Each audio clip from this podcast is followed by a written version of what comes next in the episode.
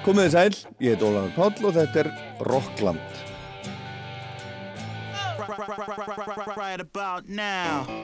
Þið auglýsið hitt og annað, hérna hitt og annað sem svo aldrei kemur.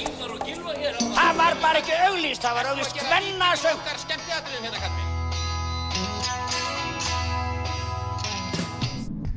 Hvað gerir kvöld? Kíkja á tónleikana? Ekki?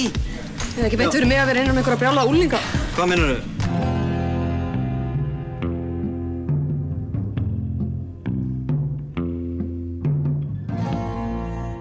Tónlistarháttíðin Secret Solstice fór fram núna um helgina og stendur enn yfir, líkur í kvöld og núna á meðan þátturinn er í gangi spila til dæmis Amabadama og Mammut og margi fleiri. Klukkan 18.50 spilar Die Antwoord sem margir eru spennti fyrir, Rapp Reif hljómsveit frá Höfðaborg í Suður Afríku, Alexandra Richards, Dr. Keith og Patti Hansen. Nú starfa sem fyrirsæta og, og, og DJ og hún er að spila núna setna í dag á háttíðinni. Hórmónar spila í kvöld, Sigursveit Musiktilurna núna síðast og Aron Kahn, Rosin Murphy sem er eitt aðalnúmer háttíðarinnar og Sturla Atlas, hann stýgur á svið í kvöld líka og Pink Street Boys og Of Monsters and Men og Dr. Spock og margi fleiri. Brjála prógram í kvöld. Það voru rúmlega 170 atriði skráð til leiks á háttíðina þessa fjóra daga sem hún stendur yfir í ár og það var heilum auka degi bætt við í ár frá í fyrra og hátíðagestur eru líklega helmingi fleiri enn í fyrra, 15.000 eða þar um byll. Rástvö var talsvert á svæðinu í ár, sendi út á förstu daginn frá 16 til 22 og svo aftur í gær frá hátegi og fram að landsleik og svo á láknum kvöldfréttum og fram að næturvakt Guðnum Áls. Þá buðum við upp á tónleikaprógram, dagskránar sem var í gangi á sviðinu sem heitir Ragnarök, einu af sjö sviðum hátíðarinnar.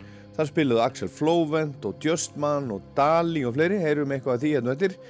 En byrjum á diskónu sem var eiginlega aðal fyrsta kvöldið, á 50. kvöldið. Sister Sledge mætti á svæðið. Í hlutverki leinigesta eða sem leininúmer sem var tilkynnt um bara nokkur dögum fyrir hátíð. Og það var bara nokkuð skemmtilegt.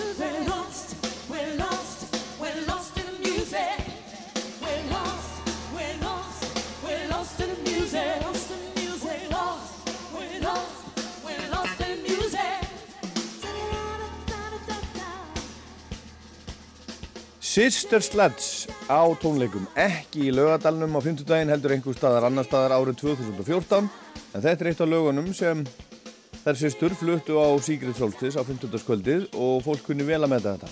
Þetta lag er eftir Nile Rodgers og Bernie Edwards, Chic og þeir stjórnuðu upptökum á þessu svona tíma og þetta var mikill smellur 1979.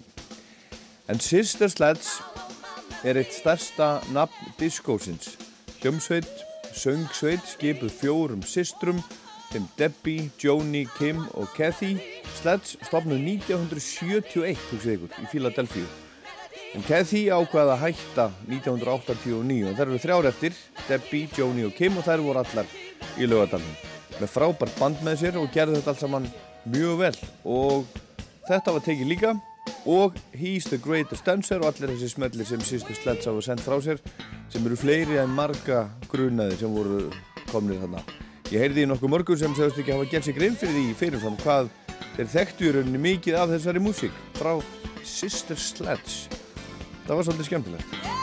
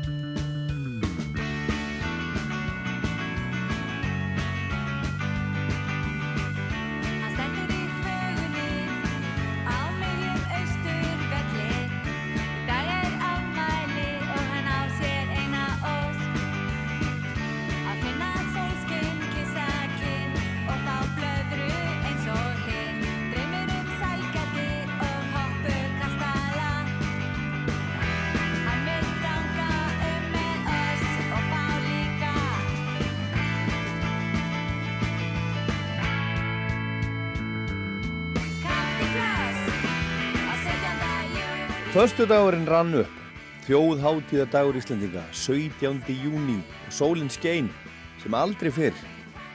Þegar ég loka augunum og hugsa aftur í tíman og hugsa um 17. júni og veður þá er einhvern veginn alltaf eða yfirleitt rigning og kallt. En auðvitað er það ekki þannig, það hefur ekki alltaf verið rigning og kallt á 17. júni sem ég hef lifað.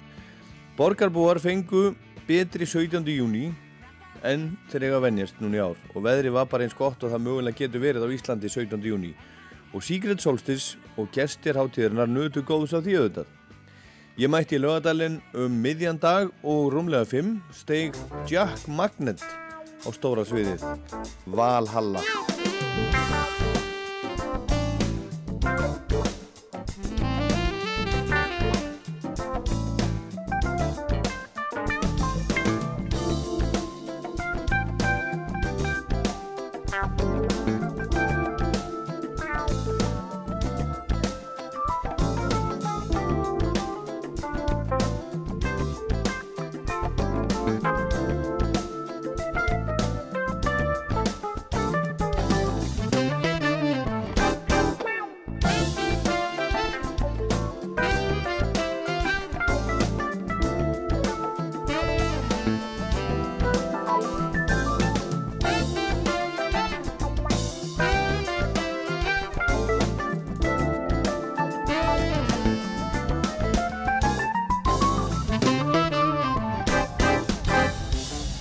Jakob, það var, þetta, þetta var Jóða FM. Þetta var erkibiskupin Jack Magnet frá Hvítabakka að skemmta fólkinu með uh, nýjum áherslum og, og kryddjörtum. Já. Það var, það var hérna kona á sviðinu allar tíman sem var, sem var hérna klædd, klædd í burku. Hvað var, hvað var það? Uh, þú kannski sást að þarna voru svona fulltrúar hérna ýmsu hugmyndakerfa. Jóel er nú svona með örlíti gýðingablóð í æðum og fekk að vera gýðingurinn með, með hérna það útlit allt saman. Eithor var í indverskum klæðum og Kristófer í svona muslimaklæðum. Þú sást að Dotti drommari var svona í kannski ekki svona þýskum svona þjóðurnisklæðum. Já. Ég var bara í biskupa hempu og síðan var eh, konan í búrkunni, hún stóð nú kyrr megnið af tímanum. Já. Hún var mjög stilt en síðan gatt hún ekki stilt sig og var alltaf vill. Já. Og það er það sem gerist þegar að hrinfokkin magnast upp á sólríkum degi á sólstöðu hátíð. Þá er erfitt að hemja sig þó að maður sé uh, bæld kona eða maður. Og við erum meirinu með þessu að senda bara svona örlitla vitundarvakning um það. Hér á Íslandi og í flestum löndum í kringum okkur eru hundruður ótal hugmynda heima sem eiga hug og hjörtu fólks ef það eru annar borð gefið fyrir slíkar hugsanir. Verkefnið er að bræða þetta allt saman í, í friðsend og eitt stórt písmerki eins og Já. ég ber hér á brjósti núna. Já, akkurat. Og það er bara við eigum hins vegar að tilenga okkur það sem að Þorger ljósveitningagóði lagði okkur fyrir. Við skulum blóta á laun Já, þú, já, og fara með trú okkar svipað og ónefnd líffæri. Við erum ekki að sveifla í mikið framann í hvort annað eða reyna að tróða því að hvort öðru með offorsi. Þorgi var með þetta. Já. All those years ago. Það er, þetta eru sígild sannindi. Já. Blótum á laun. En ert þú trúaði maður? Ég á mína prífa trú, hún fellur ekki inn í sko neina sérstakar kirkju. Ég let fermast í fríkirkjunni af því að hún var eina kirkja sem vildi ferma mig á þeim tíma. Ég var ára undan í skóla og vildi fermast með skólafélagunum. Engin í þjóðkirkjunu vildi líta við 12 ára barni í fermingar kirkli. Þó kirtlastarfinu væri komin á fullt. Já.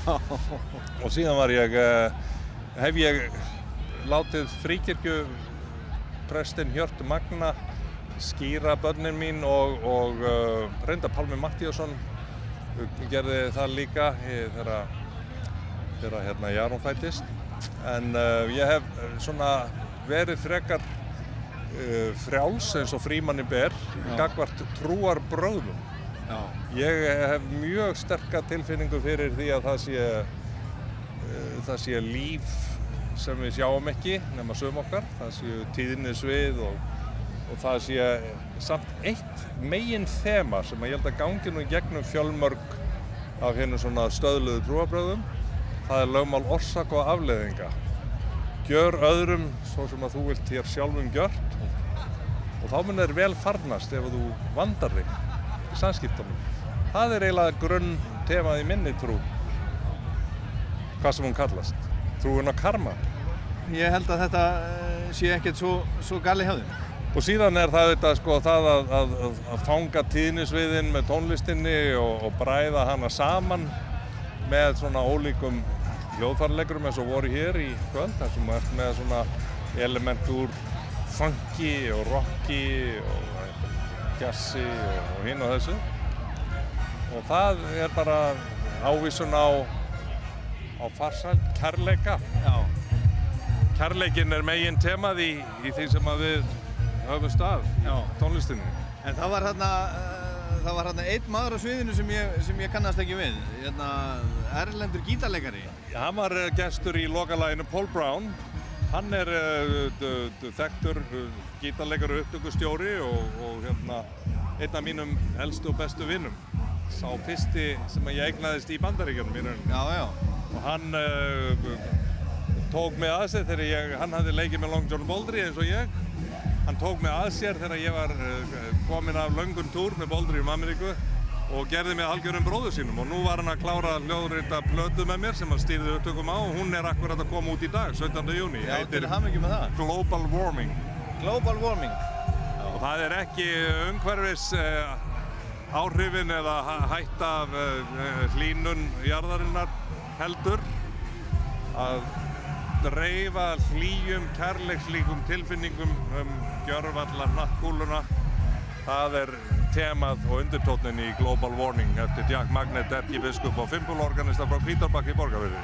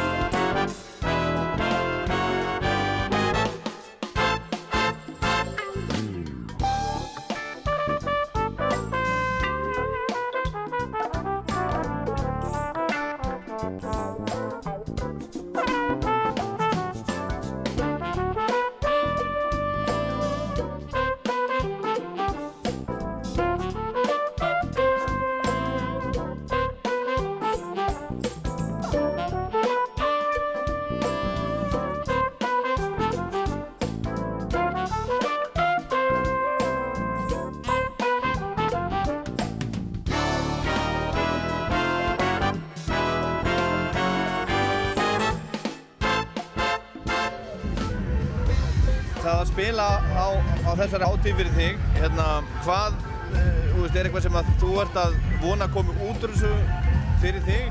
Eða er, er bara svona... Þetta er bara svona sumarhátíð og sólstöðu tíma á besta tónleikasvæði á Íslandi og þar með í heiminum. Það er bara sko samkvörlu forréttind og tilhengur efni að fá að spila á slíkri hátíð og ég átti að lítið þátt í að koma að þessari hátíð á stað og svona hjálpa henni að, að fa- fara í gang og ég er mjög stoltur af því og mjög ánægð með framvindun alla og ég, ég get ekki hugsað mér betri stað á sjálfum þjóðatíðadeginum og, og útgáfu degi blötunar sem er algjör tilvílun í Ameríku að hérna, vera hérna í þessu góða hópi, þessu góða umhverfi og bara nú ætla ég bara að ganga hér til uh, Snæðings í tjaldi og fara svo að hlusta á radioðið.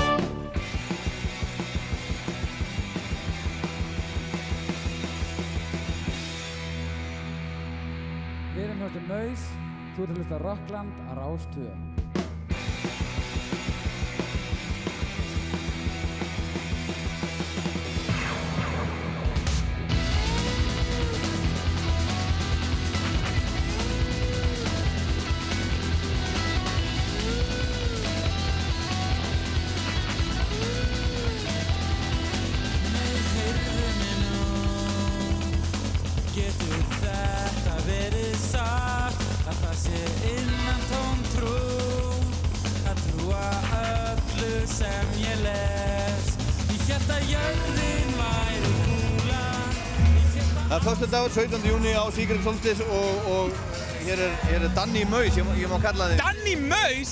Sometime. No! Triptych, motherfucker! Þú fyrir ekki að þau. Fuck! Triptych! Olli! Já. Olli Palli! Get eitt séns. Já. Danny í Triptych. Já. Ok. Er það betra? Ekki Maus, þú vilt ekki kannast við það? Sko, nei, ég meina það er bara... Verður ekki kallaður, þú veist, af allavega ákveðinni kynslu og Danny Maus allæfi? Ábyggilega, liðið sem fylgist ekkert með kallar mig Danny Maus Já. en liðið sem fyrir. fylgist með kallar mig Danny Triptych því að veit, þið maður kallar hann færtugur, skilur við og ég er að gera bara bestu tónlist sem ég á æfinni gert Já. og ég er alveg bara hrigalega stoltur af þessu og við erum að gera alveg bilaða hluti við vorum að fara að spila á bilaðasta teknostað í heiminum eftir mánuð sem er mesti heiður sem hægt er að fá og við erum bara við erum rétt byrjar að spila, skilur Berghain Eitthvað hvað ræða það, Óli? Nei, þú, þú, þú varst alltaf þar í gamla dag, eða ekki? Ég veit það ekki. Nei, þú veist það ekki. Það. Einmitt. Herðu. Hann er ekki á Akaransi, við skulum segja það. ok. Herðu, Ok, en hérna, þú ætlar ekki að sjá Radiohead? Nei, alls ekki. Af hverju ekki? Ég meina, ég myndi halda, ég meina, þú veist, þú veist, ég man eftir þre, 13 ára, tromma, Já. þú veist, ég meina, Maus er svona, þú veist, eh, þú kannski svona segja í, í kannski einhvern hátt skild Radiohead frekar en einhvern öðru. Sko, málið það að ég hef ég aldrei verið rockari, sko. Ég var alltaf að hlusta á bara Joey Beltram og ég var á reyfum í gamla dag. Svo vantaði hérna árbæðistrákunum í maus, trommara og uh, tala- töluðu mig og það var mjög gaman, mér finnst gaman að tromma og ég var bara, og þá fór ég inn í smá svona eitthvað Sonic Youth og ble ble ble en núna, þegar ég er komin aftur í technóið með Triptych, þá er ég komin að heimavöll þannig að ég hef aldrei verið eitthvað mikið rockari sko. en náttúrulega, sko Radiohead er náttúrulega, ég ber rosa virðingu fyrir þessar hljómsveit og, og þetta eru alveg pottitt klári gaurar. En meina, ég fílaði aldrei bands og meðan þetta hérna, kríplag alveg umulegt þetta er bara svona lélegt Green Day lag veist, það, bara, það var eitthvað Nirvana, svo kom eitthvað Green Day bara umulegir og svo kom Radio þetta eitthvað eh, með eitthvað svona eh, maður nefndi ekki að fucking hlusta á þetta og svo kom OK Computer sem var helviti góð, maður tengdi ágætlega við það því að maður á þessum tíma, 95, þá var maður svolítið mikið að hlusta á hérna, maður hlusta, hlusta á Sgt. Pepper og svona. Þannig að þetta var, eh, hún var svolítið svona advanced okkur svona kjátaði en hérna en, en hún endist rosalega illa OK Computer, mér finnst hún alveg umuleg plata og hérna, og ég, ég hef ekkert nefnt að fylgjast með þessar hljómsveit. Þetta er bara eitthvað ég, fíla þess svona koncept hljómsveitir sko. Veist, ég, þetta er eins og Sting, veist, ég ber virðingu fyrir þeim, en þeir eru ömulegir. En, en það sem, sem kom á eftir því, ég menna, þú veist, Kid A og Amnesiac er að gera alls konar svona veist, og, og hafa alltaf verið að, verið að koma, koma á óvart. Ég, ég, horfði að, ég held að á Kid Day, þá var ég að horfa svolítið á svona YouTube-vídeó af þeim og þetta er svona svolítið svona, mér finnst það ógæslega gaman að tromma sko. Og ég, ég nota, úst, sko, þegar ég var að tromma hérna 90 og okkar ble, ble, ble, úst, þá var ég eini gaurinn á Íslandi sem var að tromma og með pata. Nú fer ég á tónleika og það er allir fokkin trommararnir með fokkin trommustötu pata og ég er bara, what the fuck maður, Mér finnst- og mér langar ekki að fara að tromma út af, þetta eru frábæri trommarar, þú veist, trommarar ykkar, þú veist, í hérna ble ble og eitthvað að kjafta þið, skilur þeir eru geðegir, en, en ég bara, mér langar ekki, þetta er bara það sem ég var að gera fyrir 17 ára síðan og ég bara, ég nennis ekki, skilur ég hef alveg fullt erindi þarna inn, ég veit alveg. En ég bara, veist, það er allir að gera, veist, þetta.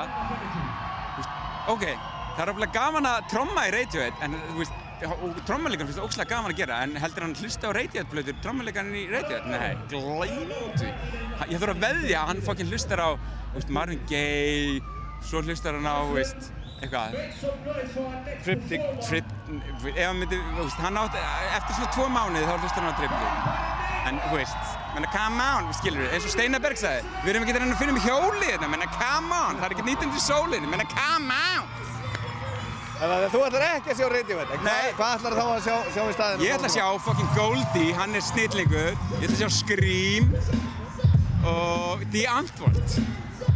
Shit, man. Því að var ég búinn að segja, að söguna frá þegar ég hitti Goldie á, á, á, á Nonna, nei, að hlölla hérna 93. Viltu vita það? Já. Ok, það var, ég var hérna, var fyrir aftan hérna Goldie á hlöllabátum. Nei, það var Nonni, það var Nonni. Og, og, og Goldie var að kaupa sér nonna, nonna línubát eða eitthvað, eða eitthvað, rækjubát. Og, og DJ LSK, Leon í hérna, Mohawks, þeir voru saman, Leon og hann. Og ég stóð fyrir aftan og Goldie misti þúsundkall.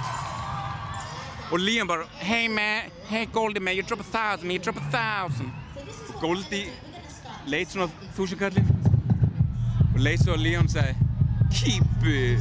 Og ég bara, what the fuck? True story. Herðu, gleðilega hátíð. Sömulegis maður, þetta er frábært. Sigur Solsins er æði. Triptych. Triptych. T-R-P-T-U-C-H. Ég ætla að gefa það límið. Svo náur.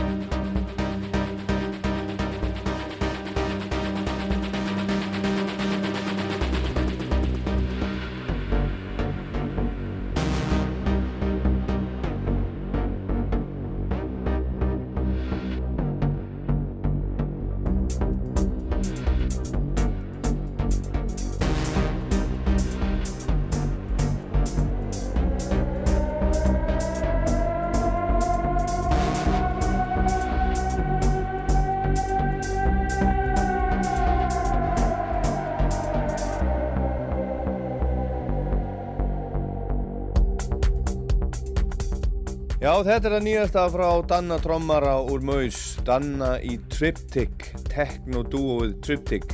Danni og Guðni Einarsson mynda Triptych.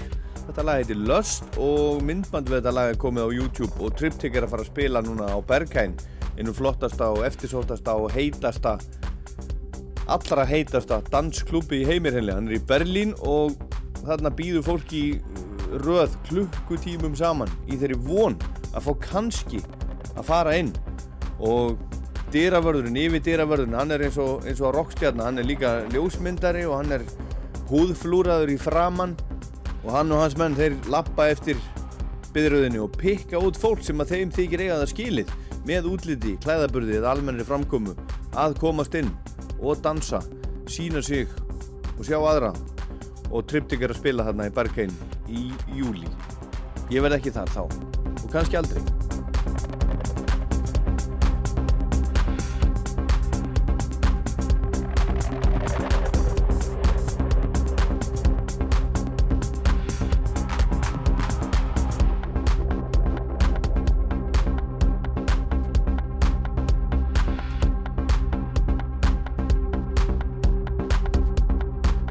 Hi, it's Nicolas from the band Air. I'm calling from France and you're listening to Rockland. Það er fyrstu dag, 17. júni, klukkan er halv átta og það er búið að opna, opna lögatarsvöllina fyrir Radiohead, Þorstein Stefensen. Já. Gleðilega hátíð. Það er hérna, eh, heldur að allir komist hérna inn sem að alla sér, sér að koma inn? Já, ég, vona, ég vonast að, eh, vona nú til að þetta gangi upp sko. Þetta er auðvitað, er bara eins og á festivalum skilur það er, þú getur lendið í á hvaða festival sem er og þú kemur inn á svæðið og það takmarkaður aðgangur. Hérna erum við með cirka 14.000 manns á svæðinu og við erum með sal sem tekur 11.000 manns og eh, við erum með fólk sem hefur verið að dreifa sér mjög vel yfir svæðið. Það er, það er svona aðrar áherslur í gangi á hinu sviðunum akkurat á sama tíma og það er mikið af hip-hop og techno-krökkum innan skiluru og, og það er flott prógram í gangi fyrir þeim. Axiom Bronson, einn flottasti hip-hopurinn í dag á, á hérna, valhallasviðinu akkurat á sama tíma. Þannig ég er nokkuð vissum að, að þetta, verður, þetta verður bara í lagi sko. Og svo kemur vonandi einhver svona smá reyfing á salin þannig ef það myndast einhver tímapunktur þar sem að salurinn er fullir þá getur fólk þetta býða smá stund. Svo kemur rotation, við þekkjum þetta svona hefur þetta verið gert á Airways í gegnum tíðina. Og uh, þú veist svona bara fungera festival. Já, og þú ert náttúrulega einn af, af líkil mönnum Æsland Airwaves alveg frá upphafi. Hérna, og, ég veit að, að þú, þú já, bæði þar og, og svona, svona prívat sem, sem tónleikahaldari er búin að reyna að fá Radiohead í, í mörg, mörg, mörg, mörg, mörg ár. Jú, það er rétt við Hvað? Í, í, hérna, í 15 ár, ég var einmitt að sækja í dag hérna út á flugulli, hérna agentið þeirra. Og átti mjög skemmtilegt hérna samtal því að hann hérna bakkaði mig vel upp á sínum tíma. Þegar við vorum að starta hérna Airwaves og við tókum sveit inn í gegnum hann. Já, já. Hérna árið 2000. árið 2000 og við vorum einmitt að rifja það upp og hann var einmitt að segja mér að hann hefði verið að klára gott gig með sveit núna bara í gær. Og við vill hann endilega fá sveit aftur til Íslands. En hérna síðan þá erum við búin að tala um þetta. Þá voru náttúrulega Radiohead alls ekkert komin á þann stað sem þeir eru í dag skiljur, þá voru þetta var fyrir hérna Kid A, þetta var bara OK Computer var síðasta platt sem hefði komið út. Og þeir voru, jú, þeir voru stórt band en þeir voru ekki odnir eitt af stærstu bandum í heimi eins og þeir eru í dag. Og svo er bara búið að nuttast í þessu. Ég var eiginlega hæ, hættur að reyna þetta. Svona tvö ár sem að hérna, síðustu tvö, þrjú árin hef ég ekki einu svona reynt. Ég held að þetta myndi bara aldrei ganga. Já. og svo kemur bara mail frá þeim allt í núna á fyrrabræði já, já, hefur ekki bara að kýla á þetta?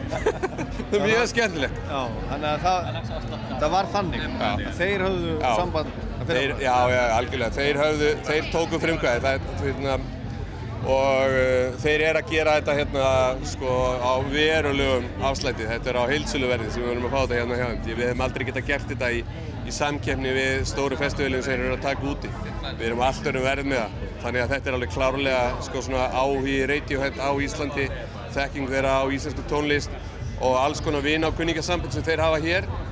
Og ég veit að strákarnir í bandinu hafa komið hérna nokkur sinnum sikkur að lægi, persónulegum ferðum. Meina Sigur Rós hittaði nú upp fyrir þá Já, já. hérna á heilmörgum giggum hérna á sínum tíma. Og það eru persónuleg tengsl hérna við Björk og Einar Örn og fullt af fólki hérna úr bransanum, íslenska og það var alveg Já, já, og hann sagði það við mýta hann challenge, að þetta bara bandi tók bara skarðum og sagði núna verður það að gera þetta í Ísland. Þetta gengur ekki lengur. Gott, gott. Hérna, en hvað hérna, nú komu þeir hinga fyrir tvei, tveimu dögum eða ekki? Hvað eru þeir nú búin að vera, vera bralla hérna? Þeir komu í svona litlu sköndum og hérna, þeir eru bara mest búin að vera svona á eigin, eigin fórsendum minna. Ég hef ekkert verið að skipta mér að því. Þeir fá bara, hérna, þeir eru bara með síman og þeir ringja bara að það er eitthvað sem það vantar en öðru leiti, þetta eru menn sem eru með náttúrulega heilmikið í kringu sig og starfsfólk og aðstofamenn og það er, all, það er einhver annar sem setur þetta upp, ekki ég sko. Og hérna, sem er bara fínt. Já. Ég hitti það aðeins í, hérna, í svona léttu dinner og fórum svona aðeins yfir stöðuna og ég veit að þeir eru búin að vera að skoða ímislegt og ferðast upp á fjöllum og eitthvað svona. En, Já, en, já. hérna, en ég hef enga svona, enga svona nákvæma yfir sín yfir það sko. Nema bara þeir elska Ísland. Já, og glaði, glaði, glaði bara. Já, mjög, mjög.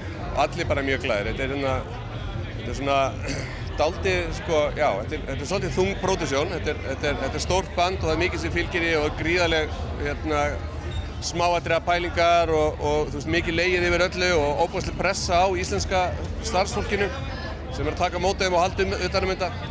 En við erum bara komið með svo mikið af professional fólki, góðu fólki í, hérna, á Íslandi til, til þess að standa að svona viðbyrði að þetta hefur bara gengið alveg ótrúlega vel. 7-9-13, nokkan út sko, þetta er þetta ekki búið.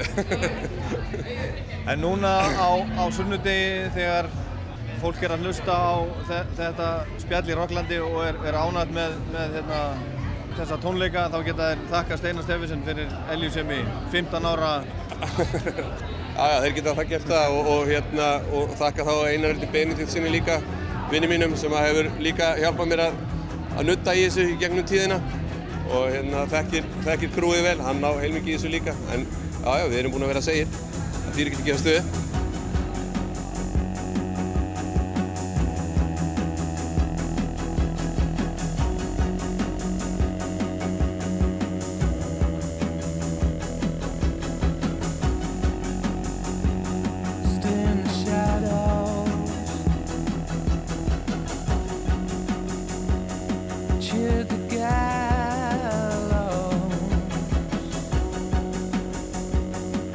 This is a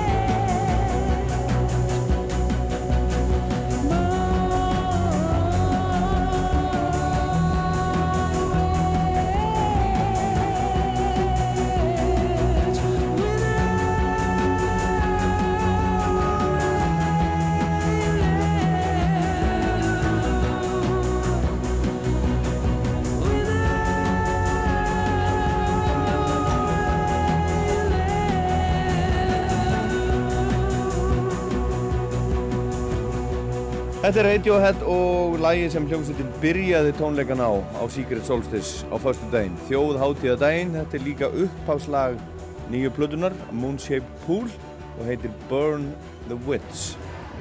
Það eru núna klukkutími og 40 myndur í að Radiohead stíi á sviða. Þeir eru Ósk Gunnarsdóttir, kynningar fulltrúi, Secret Solstice. Segjum bara eins og íþró, íþrótafröðamennin, hver, hvernig er stemningin? Hún er gríðaleg. Ég, það er sjaldan sem ég fæ svona í magan fyrir tónleika. Já. Sérstaklega hér á landi sem að það gerist. En núna er ég með rosalega stóra hnút í magan. Af hverju? Ég er mikil aðdáðan til Radiohead og ég heyrði soundchecki á þann og, og það einhvern veginn fekk mig, þú veist, mikil þreita kannski, búin að vinna mikið. Það verða kannski tónleikarnir ennþá betri. Alltaf tilfinningar þar fá Þannig að þú ætlar að sjá alla tónleikana? Já, ég ætla reyndar að stökka yfir Axel Bronsona því að ég bara, ég verð að gera það. Ég, hann er bara einn flottasti rappari heiminum í dag og er að verða alltaf vinsætli og vinsætli og ég, það er eitthvað sem ég verð að sjá. En nú eru svona tónleikar eins og hjá Radiohead, þetta er svona svo ferðarlega. Maður verður, verður að upplifa sko, þetta er eins og sko, sko sólar upprýsa og sólarlag. Maður verður að upplifa allan, maður verður að augun opinn allan tíman til þess að upplifa allan daginn. Já, Þú er ekki ágjörð því?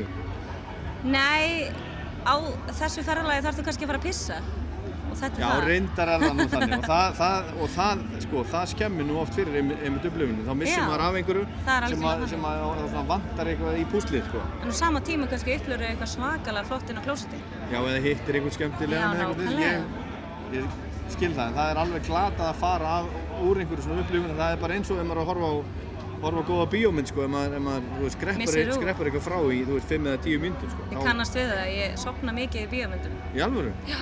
Hefur verið leitað til út af þessu? Nei, en hérna, þetta verður alveg stórkostlegt sjó í kvöld, ljósa, þú veist, sjóið verður alveg gigantíst. Voru þess að spila plötuna sína í bara helstu plötubúðum út um allan heim í dag. Bara aftur, aftur, aftur og þannig að, já, ég, eins og ég segi, ég er bara með í manum. En þú, Óli, erst þú ekki spenntur?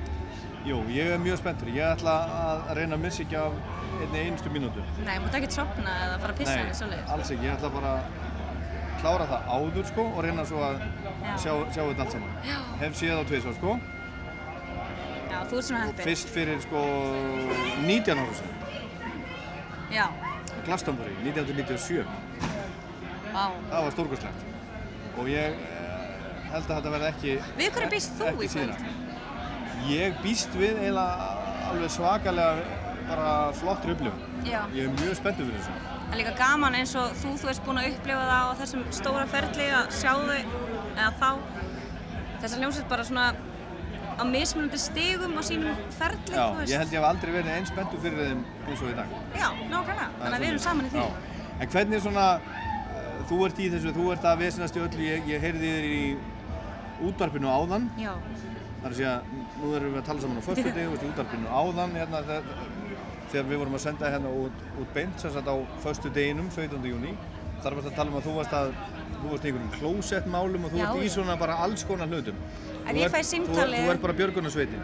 Já, þegar við erum líka bara öll þannig. Við erum rosalega gott teimi sem stöndum að baka hérna þessa hátíð og það er brest teimi, það er teimi frá Ástralíu, Bandaríkjónum, við erum einhvern veginn öll bara ef maður hefur tíma til þess að redda einhverju þá redda maður því. Það er, það er svolítið svona atmóið. Og hefur allt gengið, ég meina þetta er, þetta er, þetta er, þú veist, það er alveg hellingur af fólki í gæstlu og það kemur hérna og þaðan, það er frá íþróttafélögum, ég verður að sjá hérna fullt af bræðurum mínum úr fjallabræðurum, þeir eru hérna heil hópur af þeim sko. Já, og já. er, er þetta bara allt saman, er allt saman eins og það á að vera, er allt Já, undir kontról? akkurat núna þá erum við bara, þú veist, með það góða framlýsastjóra á hátíðinni sem að öryggiskjærslan er bara til fyrirmyndar, lauruglan er í góðu samstarfi, ef eitthvað kemur upp þá er allt öryggi í fyrirrúmi, þú veist, það er líka ástæðan fyrir því að komast bara 11.000 mannsinn inn í höllina og það verður bara stopp, það er bara öryggisins vegna og, og já, að hleypin 11.000 já, og svo stopp. já. Þannig að, já, ég er líka bara allir sjálfbóðalegarnir það koma sjálfbóðalegar allstar að, að úr heiminum til þess að vinna hátíð Já, er að það? týna rusl, já bara til þess að fá passa þannig að það er líka bara ótrúlega skemmtilegt Og hvað, hvað þurfa þeir að gera? Hvað þurfa þeir að vinna mikið? Er ekki einhver svona, þú þarf að það gera er, ákveðið það, mikið er, til þess að, já, það er minnst 12 tíma sem þú ert að skila, minnst. þá, þá færðu arband. Já, Og margir sem að nýta sér það. margir sem að gera líka bara miklu meira það. Af því að einhvern veginn er það svo mikið samhældni Já. að þú veist, þegar þú ert orðin partur af einhverju og þá ertu bara, það er svolítið svona, ég veit það ekki, það er svo góð liðsheld í öllum. Að hérna bara hringi í mömmu og redda þessu, já já, frændi minn, hann er hérna góðu smiður, ef ekki að redda þig, þú veist.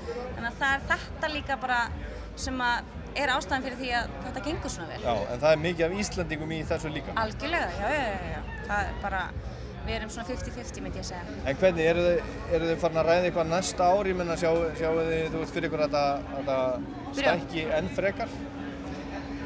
Þú veist, auðvitað, það er óskin okkar en við þurfum að gera þetta í samræði við auðvitað Reykjavíkborg og alla í nágruninu. Við erum að breyta helling frá síðast ári varandi hljóð og svona, við erum að færa þetta inn, við erum að færa lætin inn, við erum að taka uh, reyfið okkar eða dans, diskotekið úr höllinni inn í laugardagsöll, skiljur það sem að er meiri barjér fyrir hljóð og annað slíkt. Þannig að, jú, auðvitað viljum við stækka, þú veist, og við sjáum líka bara að það er, við verðum vinsalla vinsalla með hverju árinu, þannig að það er bara frábært líka.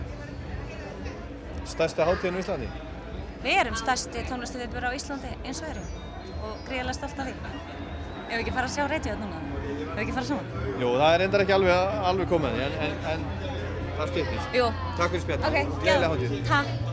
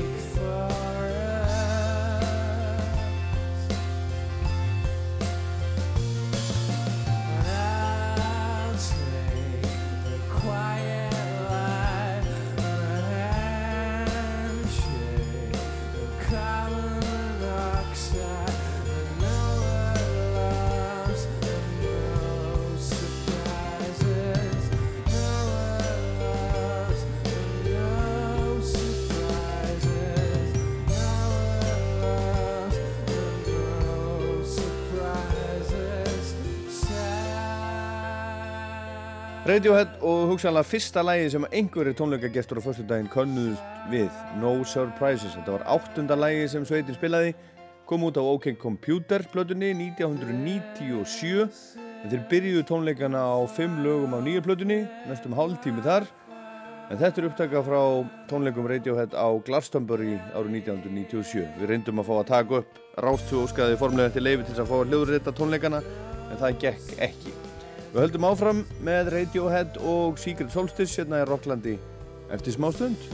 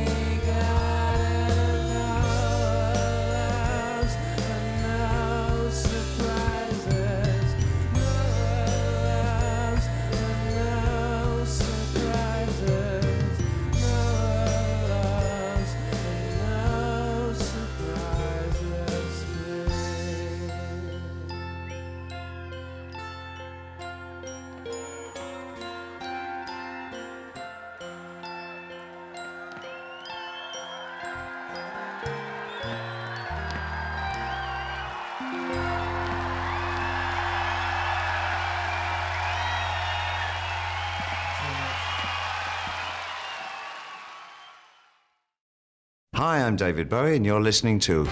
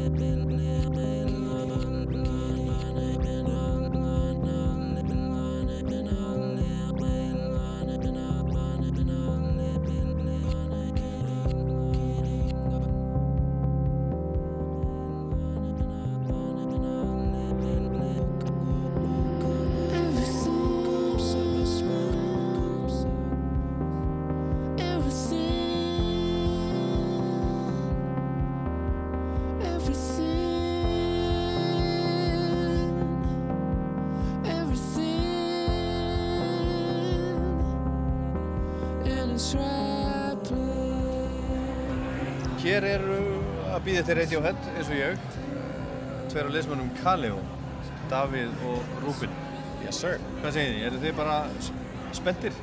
Já Ekkert smá Þetta Radiohead er eitt af þeim böndum fyrir og síðar Þeir eru efst á mínu lista til að sjá Er það? Eh, Allan um top 5 alveg potið Sama hjá mér, sko. Ekki spurning. En þið eru nú ekki að spila eh, svona músík, ég meina, þetta er ekki, þú veist Nei, Radiohead er kannski aðeins meiri jaðar, sko, aðeins meira út fyrir bóksið en, en það sem við erum vanir að spila.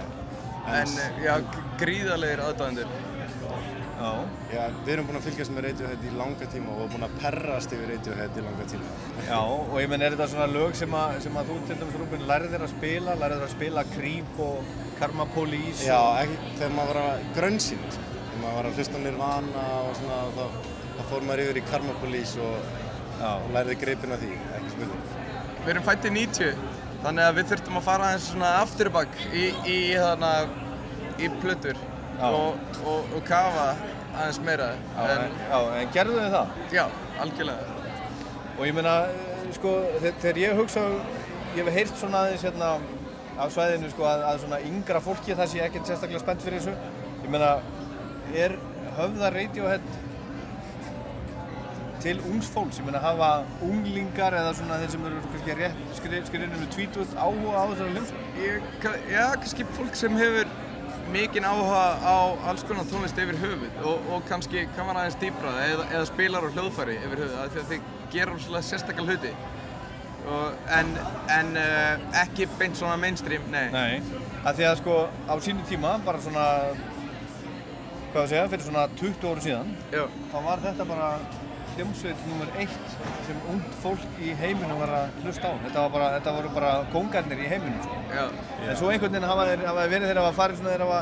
Þeir eru náttúrulega ekki nýjir lengur og Nei, þeir eru ekki með hennan X-faktor þannig séð. Þeir eru established og eru þannig komnir í svona legend tölu og, og þá er fólk ekkert beint að kynna sér þá Byrjuður ekki bara á að sigra Britpop senuna og verður frægir út frá því sem meiri, meiri svona, rock-pop hljómsveit þróaðist yfir í eitthvað þingra Já, það var náttúrulega eins með þá eins og allar hinna hljómsveitna. Þeir voru svona kannski á jaðrinum í Britpopinu en það var engin af Britpop hljómsveitum sem vildi láta, láta bendla sig við það. Ekki Blur og ekki Oasis. Við veitum hvernig það er bara einhverjir svona aðrir sem að setja á þetta einhvern svona stimpil.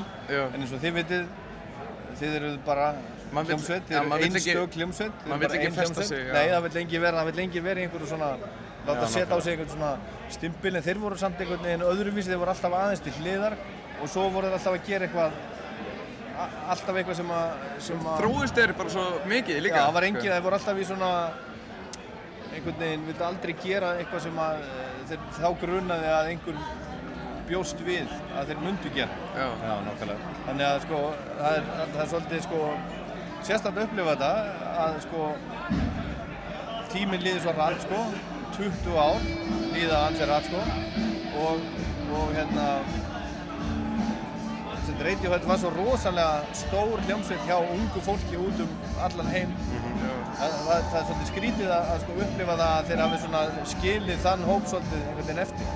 Já, þeir, þeir þróuðist á svo náttúrulegan hátt einhvern veginn. Það er svo flott samstarf í hljómsveit. Þannig að þeir þróuðist einhvern veginn mjög náttúrulega út í einhverju átt sem að bara þeir fíluðu voru ekki til að þóknast neinum öðrum nema þeim sjálfum. Ég held að útvarp hafi líka mikið með að gera það. Þannig að eins og, eins og Creep og, og Karma Police og þannig að rosalega útvarsvæn lög sem ná til rosalega mikið ungshóps að, að liði en, en síðan hættur í rauninni að gera þannig tónlist sem, sem fer beint í útvarp í rauninni. Já, ég held að Moonshaped Pool, ég held að það sé ekki spila mikið af singlum á þessari blötu í útvarp.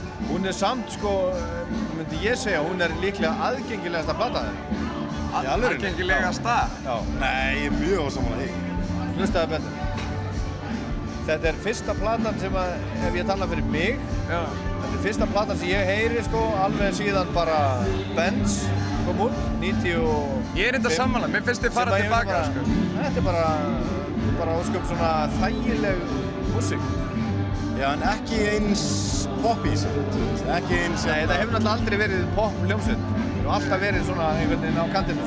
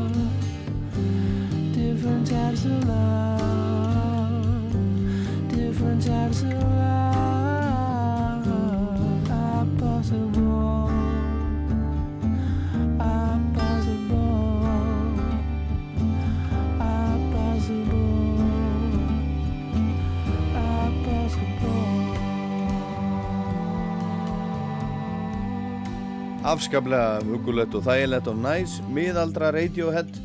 Þetta er á nýju plötunni, Moonshaped Pool, eitt af sjö lögum plötunar sem hljómsveitin spilaði á föstu daginn á Secret Solstice.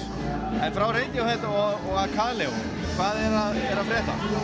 Það gengur vel og við erum, við erum búin að vera á miklu tónleikaferlagi og vorum að gefa út plötu og uh, minnum fylgja henni eftir út árið og, uh, og já, næsta ári líka og okkur langar bara að fara að byrja að taka upp nýtt efni samlega því.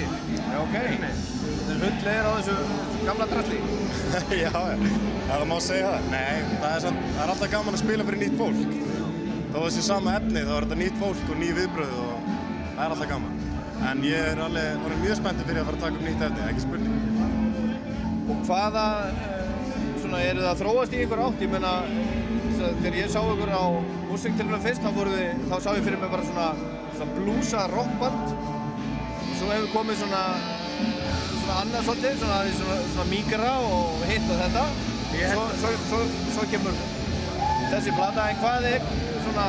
Þessa, við, við köllum þessa plötu A og B af því að hún er tvískipt í rauninni. Hún er, er bluesarokk og þannig að mikið rock'n'roll og svo er hún uh, hægari og, og, og þingri og, og rauninni svona fólkari líka. Þannig að við skiptum henni rauninni í tvenn. En við þannig að við bara, við myndum alltaf gera mismunandi tónlist í rauninni og en við vitum ekki alveg nákvæmlega hvert við ætlum eða hvort það verið einstefna eða þrjár eða tvær eða við, þetta verður bara áfram. Verður það sem verður? Já. En færð þú að spila á rammaskítar er nóg í þessu? Er, er, er nóg rock í þessu? Á þínum mati? Já, það er ekki spurning. Það er sérstaklega live. Þegar við spilum á tónlingum þá er auðvitað meira rock en nokk tíman á blöðinni og kemur fólki mikið á óvart. Það kannski heyrir All the Pretty Girls eða eitthvað sem er mikra og kemur á tónleika og er bara, já, ok, þetta er rock and roll band. Eitthvað, sem ég bjóst ekki við. Já, live showið gefur kannski aðeins betri mynd á, á bandið yfir höfuð þannig að hvernig, hvernig við tengjum þetta saman og, og finnst, finnst fólki vera svo stór gap en, en ég held að live showið ná að tengja þetta frekar vel saman. En veit fólk yfir höfuð að þið, þið komið frá Íslandi? Það er um þetta frekar fyndið fólk, stundum alveg frekar surprised að heyra það. Það séum frá Íslandi. að Það er ekki, já, ég er ekki vanur að heyra rock and roll eða, eða svona blues-oriented músík frá Íslandi. Frekar eitthvað svona Björk Sigurós trademark yfir Íslandi, þetta. Meiri ambient músík, meiri...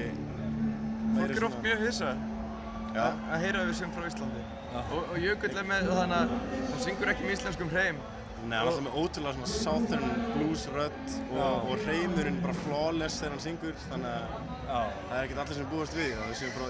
Og lítur út eins og hann sé frá, frá hérna, Memphis. Já, nákvæmlega. Þannig að ekkert allir sem búast við sem frá okkur lítilli eigu starf út í norður Allandsæði. Herðu, gangi ykkur vel, strákar. Takk fyrir. Gaman að ykkur og, og hérna, góða skemmtum á reytjum. Takk fyrir. Turn your back, you're a broken man. They come around and just dying to shake your head. I don't expect you to understand. Just keep telling yourself there's no shame. They don't know about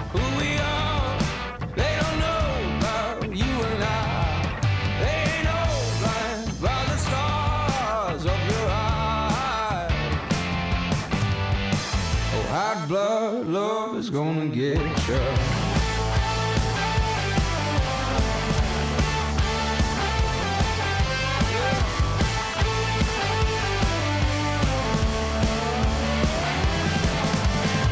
You wanna prove you're the better man. You wanna reach for the things that nobody can. All you need is to break away. Yeah. Just keep telling yourself there's no shame. They don't know about who we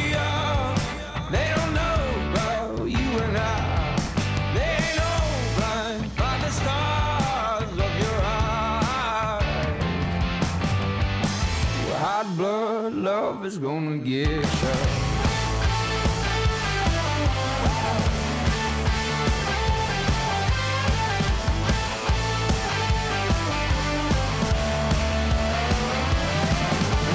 get up and get up and get up again. Say get up and get up, get up while you can.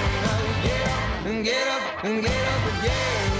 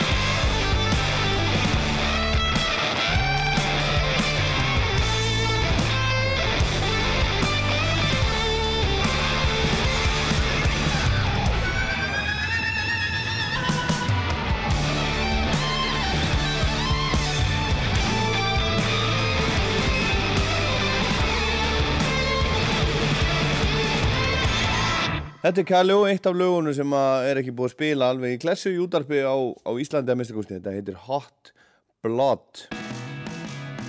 Hello, this is Neil from Travis, and you're listening to Icelandic National Radio 2. The programme's Rockland, and hello from Glastonbury. Have fun. Yes, have lots of fun. Röðin, hún er alla leið upp á götu. Í alvöru? Er- er röðin þessi hérna hérna? Hún fyrir all hana, yfir hérna og svo allir henni. Vá. Þetta er aldrei sérst á Íslandi áður. Hér sett ég með, með hérna Elvis hátíðarinnar, Jóni Ólafsinni, Vass Kongi og Skífufóringja og Hljóðurreitafóringja og, og margt meira. Eh, Nú er hvað? Það er eh, Radiohead er að byrja eftir, eftir hérna, eh, já, klukkutíma og korter. Já. Og það er röð hérna, við sjáum hérna röð af fólki sem er að sem er leiðinni hérna inn í, inn í höllina og, og röðin hún, hún, nær, hún, hún liggur svona eins og ormur, já hvaðan? Hvar? Já, hún liggur frá, frá hérna Trímporginni hérna frá ofan. Í alvöru? Allalegi niður hérna og niður fyrir og í hring hérna og alveg upp. Þetta eru, þetta er, þetta eru, já, kannski 400-500 metrar af röð. Og hvað heldur þú? Heldur þú að allir, allt þetta fólk komist hérna inn á eftir? Já, já, já. Þú ert alveg alveg klárað því? Já, já, já. Það er, það er svo mikið annað að gerast og sjá hvernig veðrið er. Fó- Fólk verður sumið vilja vera þess. Það eru ekki allir sem er sko mjög hrifnir að Radiohead, ég er mjög hrifnir að þeim. En það er náttúrulega nokkur lög sem fólk allir fíla sko. Já, já. En, en svo eru önnur aktin úti sem unga fólki vil kannski sjá og, og við sjáum líka að veðrið er svo dásanlegt núna. Það er alveg. Að, Þetta- að, það er engin spurning að þetta verður bara skemmtilegt og það verður bara, þetta verður rennir í. Sko, þetta er ekkert nýtt. Á öllum hátíðum alltaf í heiminum þá er alls konar svona í gangi og það, er bara, all- það komast ekki allir alltaf á. Já. Það er bara, þetta er þannig að, að, að, að það er ekki hægt og, og, og, en ég á vona það í kvöld að það komast allir, það komast allir. Herðu, er þetta ekki þriði árið ykkar? Þetta er þriði árið, jú, já. Og hver á, á þessa hugmynd? Hann Friðrik, sonu minn. Það er Friðrik? Þetta er hans, þetta er hans barn og þetta er hans hugmynd og hann á þetta alls saman. Og, og kom hann sem sagt til þín fyrst og, og sagði... Já, hann sagði mér bara frá þessu þegar þetta var allt full mótað. Allt full mótað? Ég var í þessum brasa, hvað, hvað, í 100 ár? Já. Mér dætt aldrei í huga að halda eitthvað í Reykjavík. Nei. Útihátíð er alltaf út á landi. Þetta er snilt, þetta er algjör snilt og þetta er svo mikið liftistöng bara fyrir lífið í Reykjavík og, og núna þegar svo mikið að túristum er að koma, þetta er alveg eitthvað sem að á eftir að gera mikið fyrir okkur og, þetta, og líka merkið Sigur Solstíð er svo stórt að, að, að við erum á hverjum lista við bestu festival í heiminn nr. 1, 2 eða 3. Þannig og líka hérna núna eru átta aðrir aðalar sem eiga festival út um allan heim, það er að mjög Coachella. Menn eru að koma hingað því þeir eru búin að heyra hvað þetta er flott og hvað þetta er vel gert og eru að koma hingað til að dásta því hvað við erum að gera. Það er mikill heiður. Og þetta, þetta er, sko, allt þetta er Friðrik, hann búinn að vera að kynast fólki í þessum brasikjöndum árin, þekkir alla, en þetta er allt fólki sem stjórna hér, er fólk sem stjórna Glastonbury og öðrum stórum hátíðum. Þetta er bara eins mikið professional hægt að hafa. Og er pappin, pappin stoltur? Já, guðminn góður. Ég, hérna, ég held að music, eh, lífið mitt var í búið en hann endur líka þess og sannlega. Já, já, það er- það ég man alltaf, hvað í gamla þetta sagði ég alltaf sko að music is my first love and music will be my last. Þetta það sé orðið staðrind. Já. En hvernig, er þetta eitthvað að tengjast vatninu og því sem þú, ert að gera í dag? Já, já, við náttúrulega notum þetta, þetta er gífilega skemmtileg promotion og vatnið er mjög stert hérna við erum með hérna um 20 blaðamenn frá flottum blöðum og tímaritum vísbæri heim sem eru hérna bæði á vegum Æslandi og svo er annar hópur á vegum, vegum Solstund. Já. Þannig þetta er mjög mikið kynning sem er að fá þessu. En þegar Friðrik saði þér að þessu upphafi, hafði þér trú á þessu? Ég var alltaf hissa. Meira hissa heldur en nokkuð annað. og því að- sagði þér svona, nei, þetta gengur ekki. Ég kannski sagði það ekki, en ég sagði, þetta er alveg viss, sagði ég. Ég, hérna, ég sagði þetta alltaf gali alls saman. En eftir við heldum fyrsta hátíðan og sá hvernig þetta var skipur og hvernig þetta var gert, það var engin spurning að þetta er komið til að vera. En þetta er svo, þetta er svo miklu, miklu starra heldur en, heldur en sér, sérstaklega hitti fyrra og í fyrra. Já, já. Þetta er alveg blásið út. Þetta er orðið þrjusum starra heldur fyrsta árið. Já.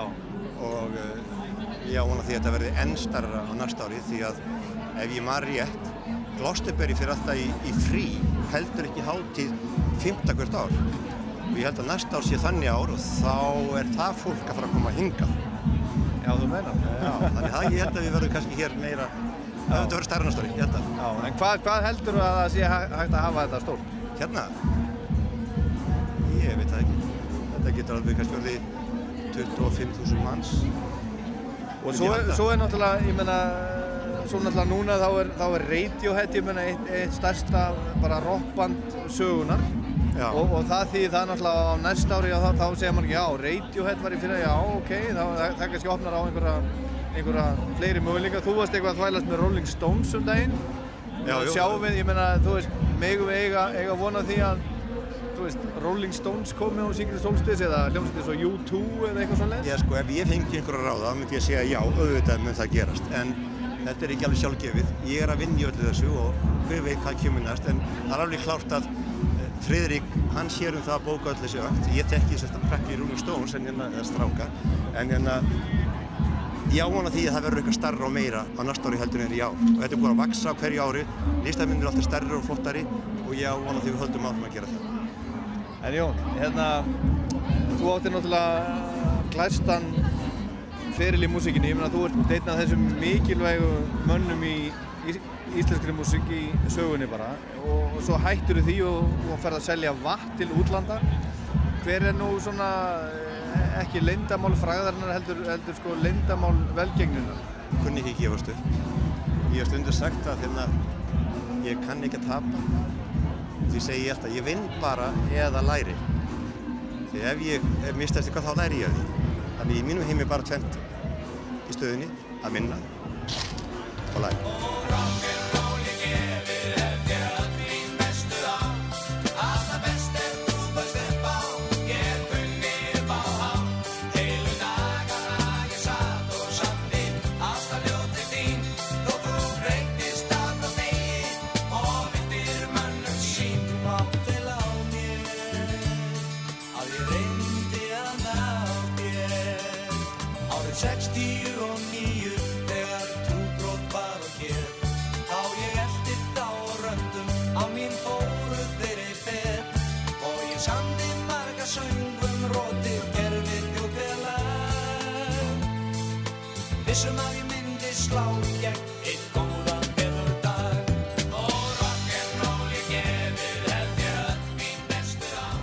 Eftir öll þessi ár, eh, hérna, hver er þín uppáhaldsmusík? Rolling Stones að sjálfsögðu. Það er bara þannig? Nei, ég er aðlæta á tónlist, algjörð aðlæta. Já, en hvað- hlustar á sjálfur? Ég hlusta á mikið af nýja tónlist, ég hlusta mikið á klassík, ég hlusta mikið á óperur. Ég er mjög gaman að fara í óperur. Ég maður því ég fór fyrst í óperu, mér fannst það opaslega skrýta að ég skilti fíla það svona vel. Ég var að pæli, er það cool að ég, þessi rockari sé að fíla óperur, en ég elska óperur. En hérna, já, ég er aðlæta, algjörð aðlæta. En Rolling Stones, er það svona... Já, en akkurat núna er það, það er skemmtilegt. næst hjartanum. Já, ég er búinn að sjá það og er að fara að sjá það aftur núna tvísvar, þrísvar inn í sýtni haust og þannig að það er mjög gaman. Til að hafa mikið með þetta. Takk fyrir ykkur. Takk. Gleðilega hóttir.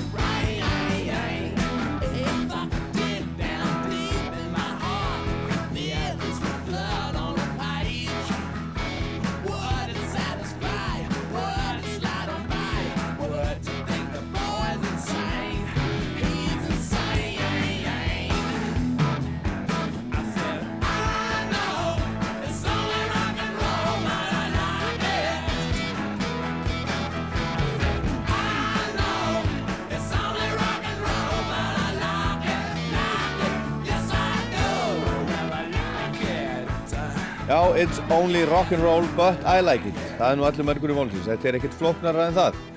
Radiohead steig á svið á mínútunni 21.30 á föstudagskvöldið eins og búið var ákveða en það var eitt og annað sem var búið ákveða sem síðan breytist.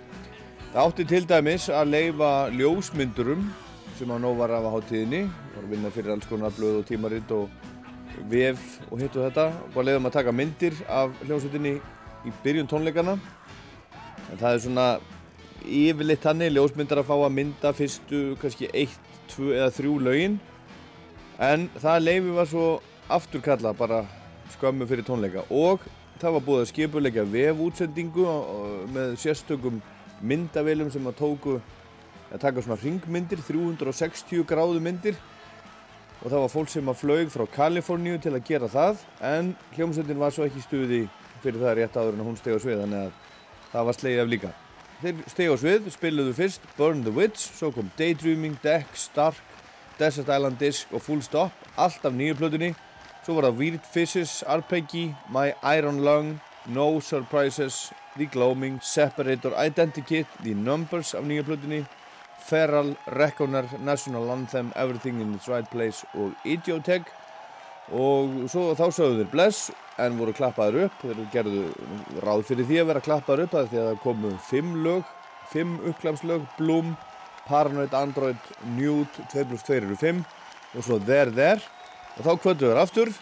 Og heyrum hérna næst hvað gerði svo, þetta er upptaka frá vinni mínum sem hann tók á Apple-úru sitt eða pennan sinn eða sólglerugun eða eitthvað.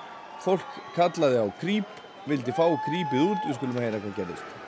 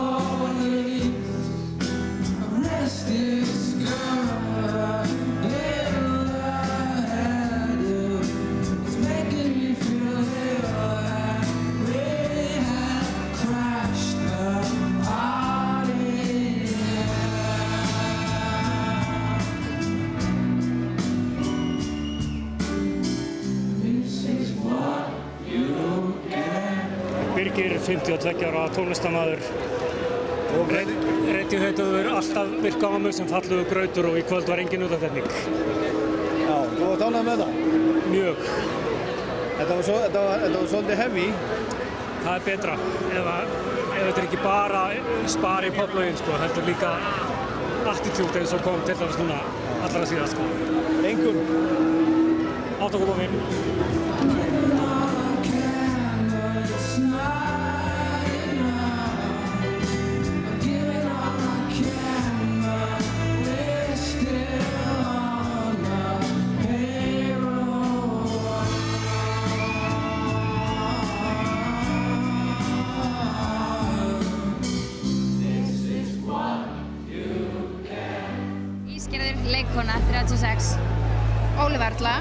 Hönnur, 42 ára. Og hvernig fannst ykkur? Geðveikt! Þetta var rugg, sko. Þetta var ógeðslega flott. Þetta var líka bara, maður átti kannski von á að annarkvort Creep eða Karma Police kemi, en að fá bæði er bara svona... Bæði í röð? Já, þó maður sé hérna kósveittur, bara... Rosa heitt. þú veist, Já, bara sjúklega heitt, en það var alveg þess virði En fyrir þetta. þetta var æðislega stemning og ég var að fíla mig í botn. Þetta Þetta var bara rosa flott hjá þeim. Það var Það var ekkert, það var ekkert ofþungt eða eitthvað svona? Nei, alls ekki. Alls ekki. Góð stemning. Þetta var bara alveg fullkomið kvöld. Það var æðislegt. Ég heiti Hjörtur, ég er 23 ára og ég er vinstum þjótt og ég er alltíma aðdáðandi að Radiohead. Já, heldur að það sé mikið af fólk, fólki á þínum aldri sem, sem er hérna í kvöld? Já, alveg, ég stið mér eini. Þetta, ég hef farið á hann okkur tónleika og þetta er það magnast sem ég hef mér séð. Já, þú, þú dánað með það? Já, ég 25.000 kall bara til að sjá þessu hljómsveit. alveg, þetta var engin einsla, þetta var bara, þetta var upplifun. En talar, talar Radiohead sem sagt, til þín og, og þinna kynnslóðar? Algjörlega, sérstaklega hérna, hans, eða þeirra, er, það er alltaf þekktasta með þeim og það er ofspilað af öllum, en ég grét því ég heyrði það spila hérna live fyrir frá mig og ég hef hlustað á þetta lag fleiri þúsund skipti og ég grét. Ok, einhvern, 1-10? Við þessu? Fucking Júpiter.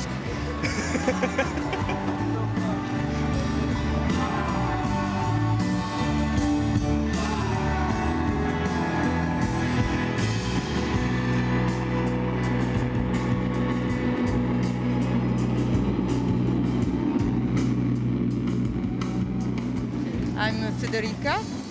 I am uh, 46 years old I am a secretary.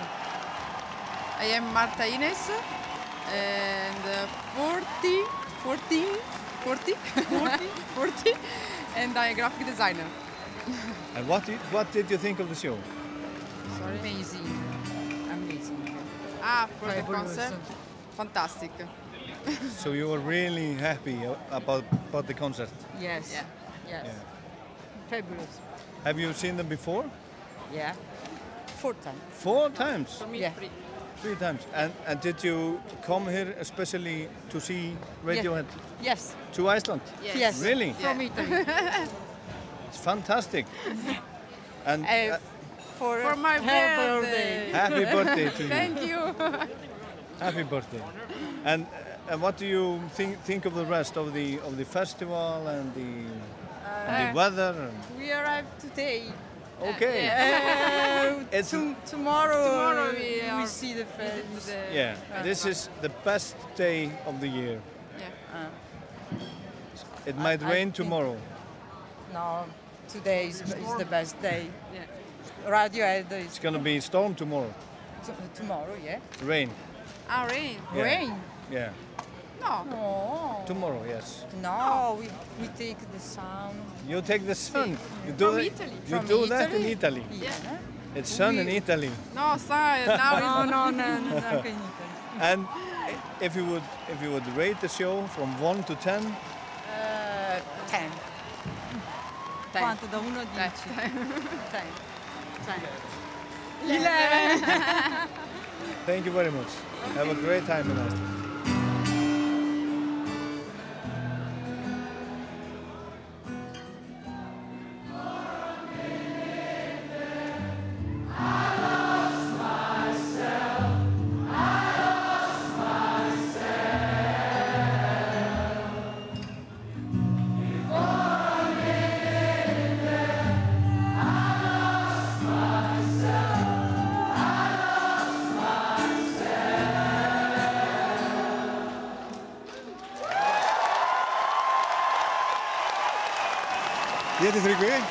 60 endurskoðandi.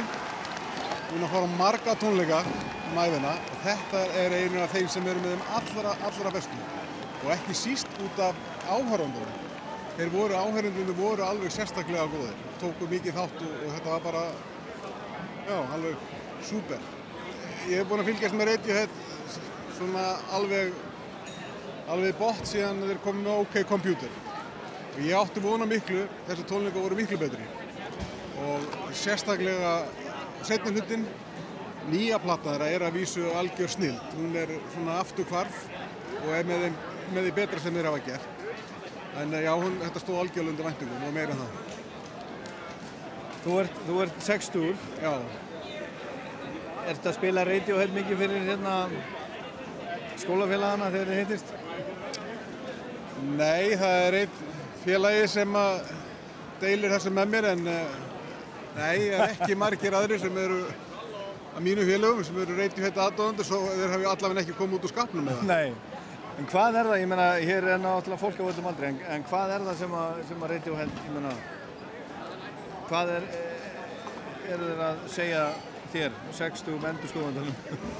Já, Ef ég má orða það. Já, já, eh, sko það sem að ég, ég er mjög gaman að tónlist sem er svona progressív og hljómaskiptingar hjá þeim og hvernig þeir byggja upp lögin. Þetta er yfir stutt lög hjá þeim, þeir eru vilt ekkert með lönglög, en uh, sem er kannski reynkenni hjá progressífi tónlist, en þeir hins vegar eru með þannig hljóma byggingu í lögunum að, þeir bara, það grýpur mig og það er bara það sem að, já, bara þeirra sound, það er svo stórkostlegt, það er svo laglína sjálf, melodían sjálf er svo á skjön við það sem er undirspilið þannig að þetta er svona kallast á við hvort annað og þetta er bara þetta snill. bara? Ég fíla þetta? algjörlega í ræmu Engun 1-10?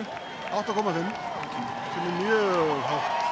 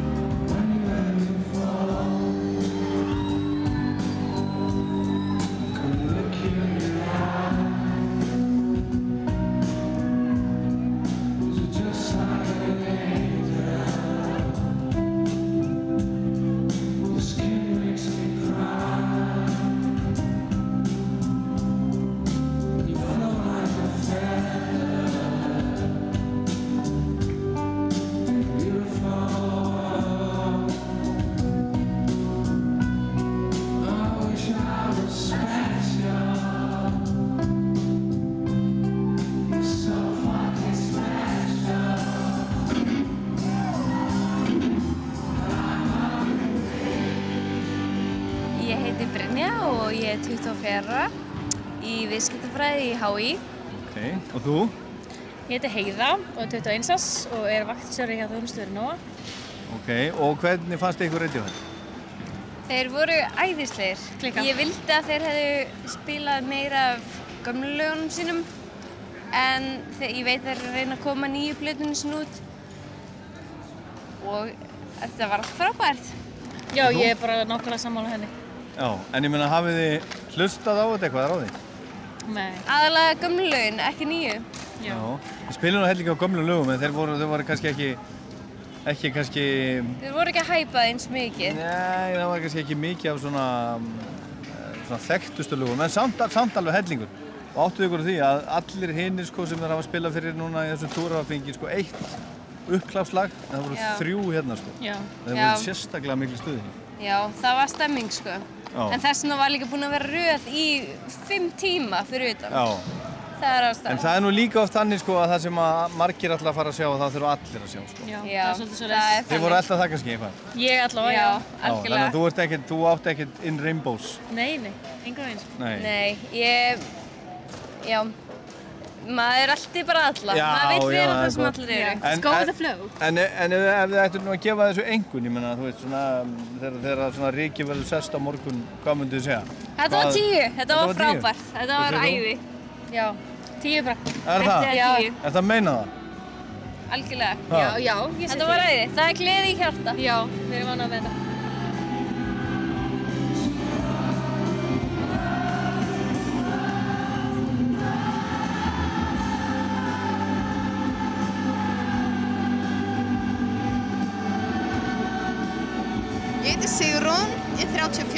Og ég er dósent við Háskóla Íslands. Hvernig fannst þér? Geðvegt. Bara alveg geggjað. Hvað, en, en svona, dósent lítur að geta sagt eitthvað meira heldur en Já, já, já. Sko, ég þetta, hérna, Radiohead mótaði mín uh, gaggó af, sko. Þannig að ég var creep í nýjöndabekk í úlíkavinninni á golfvellunum í. Mosó. Þannig að það er gott að vera honum 34 ára ekki creep leikur. Ok, en hérna, stóð, þetta undir vendingum og svona? Já, já, já, gerði það. Það var magnað að sjá hann að detti fimmtutkallinn og bara alveg með þetta. Ég var einhvern veginn ekki búin að pæla ómikið í því hvaða lög myndi taka eða hvernig lænleikurinn myndi verða. Þetta er bara svona að reyna reyna að lifa í núinu. Og einhvern, 1-10? Níu. Hvað er það með einhvern? Já, ég segi tíu sko. Ég, ég var búin að, ég var búin að frétta hann alltaf aldrei að taka krýp sko. Það er lægið mitt í Karugi sko. Ég er alveg rústað í Karugi sko. Fólk er alveg hringir í mig daginn eftir sko, eftir ég syngið til Karugi sko. Þá fyrir ég bara að tala um mig sko. Ekki að þetta snúist um mig en? Nei, ég er eiginlega, þú veist, Tom York. Hvernig er Tom York?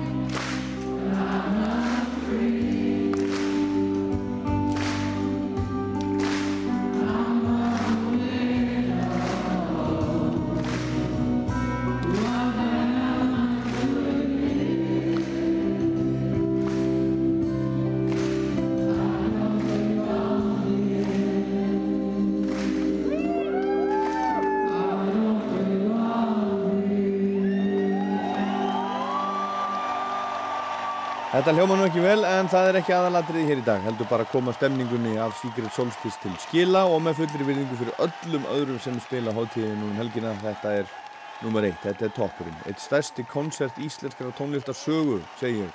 Og eftirvæntingin fyrir, fyrir tónleikana var meir en ég hef upplifað bara nokkuð tíman, ég man ekki eftir öðru eins. Og ég var ánað með þetta, ég segi 8,5 en þessi súpa er alls ekki fyrir alla. Það væri ruggla að halda því fram.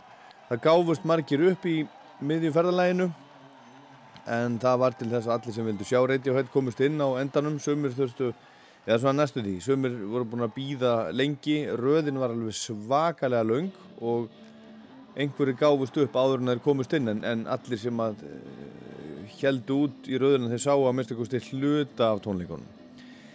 Og ég held að engin hljómsveit í sögunni hafi komist upp með að spila eins erfiða eða krefjandi músík fyrir eins marga og Radiohead gerir. Það er bara þannig.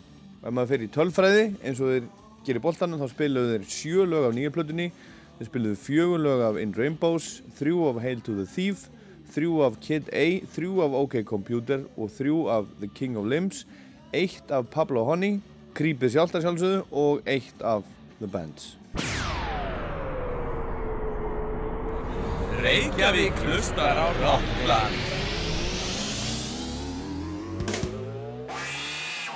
Thank you so much for being here and listening. My name is Axel Florentin. Thank you for everything. This one is called Fireworks.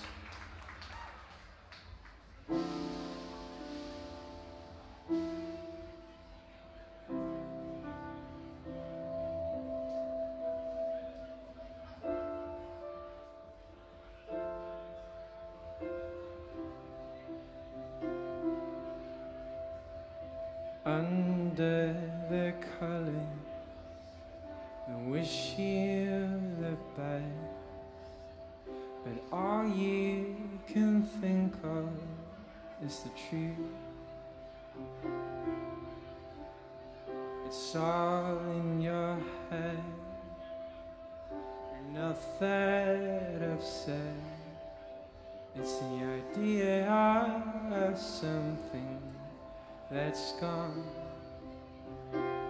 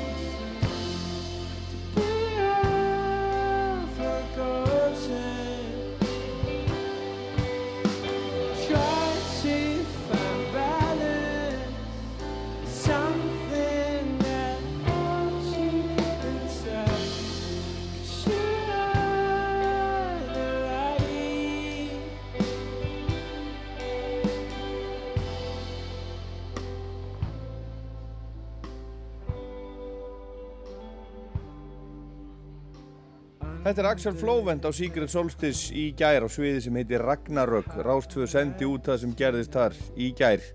Og ég vil benda þeim sem að vilja sjá myndir frá hátíðinni. Að kíkja á Facebook síður Rásar 2, það er slatti af myndum frá 50, 1. og lögadegi og svo kemur meira myndum inn annarkvort í kvöld eða í fyrramálið. Og Secret Solstice er ekki búið, það er nóg eftir í kvöld. Núna klukkan 18.50 spilar Die Antwoord sem að margir eru spenntið fyrir hljómsveit frá Höfðaborg í Suður Afríku svo er hún Alexandra Richards dóttir Keith Richards og Patti Hansen. Hún er að, hún er að DJ á hátíðinni. Svo er það Hórmónar Sigursveit Musiktilruna 2016 Aron Kahn, Rosin Murphy Sturla Atlas, Pink Street Boys Of Monsters and Men og Dr. Spock og margi fleiri, það er nóg að gera. En aðalnúmer gerðdagsins var bandaríska rocksveitin Deftones og þegar Deftones voru búin að spila í, er að spila hér uppil í tvo tíma í rigningunni þá, þá hitti ég nokkrar hetjur, nokkrar aðdáendur. Hér eru, eru fjóra rákstjörnur. Það er Björn Árnarsson, já. Byggi í dimmu. Byggi í dimmu, já. Andri Freyr já. og Frosti Gringo. Frosti Jónaldsson. Eftir Deftones, hvernig var? Það er alltaf ásannlegt maður. Ég, meni, maður. ég sá það fyrir 20 ánum síðan og þetta var ekkert síðan. Ég er búinn að vera að býða eftir að sjá þá í 20 ár. Sko. Þess vegna kom ég í Dickies og, og var hans old school Já. og ég, ég, ég, fór, ég hef ekki breytt um fallastíl síðan þá. Sko. Þetta eru mennindir sem að mótu mig. Sko. Þetta er þetta sem maður, maður var nýbúinn að kynast White Zombie, svo heyrði maður af Korn, svo heyrði maður af Deftones. Og við, hérna þessir þrýr, fýrar, við vorum einu af þeim fyrstu sko, ásand krumma í mínus og, og, og mínusgenginu og við, við, við vorum þeir sem voru sko að predika gospelið sko, hvað, hvað þetta, þessa músík var það sko. En svo var það tveimur árum setna þegar hérna íþrótamenninni byrjaði að fíla Korn og Deftones, þá var þá sem við svona Þá var það búið? Já, það er svona ekki, ekki búið, það er aldrei búið. En loksins virkaði dresskóta hans fórsta, það er er loksins. Þú ert mjög flottur hérna. Þetta er sama með Radiohead og Creep. Þegar, hérna, allir íþróttegæðinni byrjaði að vera með aftur og bakderur og syngja I'm a Creep, þú veist, á hættu þeirra að spila það lag. Það er rétt, það er rétt, það er svona. En ég sá, sá um mitt eftir að spila í oktober núna í Sacramento og þetta var engu síra, þetta var, þetta var eiginlega betra, þetta var alveg klikkast. Og Biggi? Ég meina, við erum að sjá hérna eitt af A-lista rockböndum heimsins, sko, í, í laugadalnum. Abe Cunningham og trómum, skilur við, þetta, þetta, þetta band er náttúrulega, sko, þetta er, það verður ekki, rock'n'rolli verður ekki betra en þetta. Þetta er alveg rétt, svo lafum maður bara heim. Abe Cunningham er fyrsti trommarinn sem ég sá, uh, það var í vídjói fyrir hérna, fyrsti, á, á fyrstu plötinu, Adrenalin, það sem hafa með tvo ræta ofan á hverjum öðrum. Þetta er og svolítið svona laus, laus, ekki, ekki þryktan niður. Biggi, þú er trommarinn. Ég, ég nota Abe Cunningham signature kjöða þannig til ég fekk mín eigin, sko. There you go, there you go. Það nefnilega Aldrei. Það er lítið spókir. En veðrið og svona?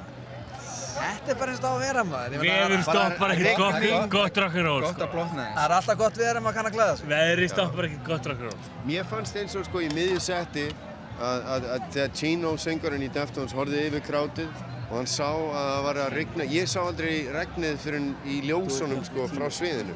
En ég sá að hann sá að á fólkinu sem var út í krátinu það var að blotna.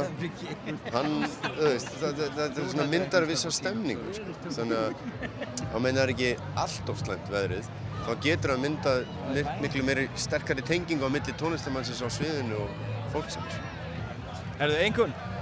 Andri? Ég segi heiklaust nýju. 9,9. Þessi fer upp í 11 sko. Ég segi 11 líka, ég er með bygga. Nákvæmlega, sorry, 11. Ég held með nýju. Andri svo neikvæður. Ég sá að vera 20 ára síðan, láta ekki slaka. Já, þau voru ánægð með þetta gömlu aðdáendundur og það er ju það sem að skiptir mestu máli held ég að aðdáendundur séu ánægðir. Og þeir voru ansið margir hérna á túninu á Secret Solstice í gerð og ég hef vonað að verða jafnvel fleiri í kvöld. En þetta sem við erum búin að heyra hér er bara ein útgáfa, ein sín af hátíðinu. Auðvitað er hver og einn að upplifa þessa hátíð fyrir sig og miklu meiri líklegt að margir sem að voru þar um helgina hafi alls ekki heyrt neitt af þessu sem ég hef búin að vera að segja ykkur frá eða spila heldur bara eitthvað, eitthvað allt allt annað. En það er alveg að reynu að Secret Solstice er komin til þess að vera. Og ég er strax svona að hlaka til næstu hátíðar en ætla að mæta líka í kvöld. Við endum þetta í dag af einu af lögunum sem að Deftones spilaði í gær en þetta var Rockland á Secret Solstice 2016. Ég heit Ólaður Páll. Takk fyrir að hlusta.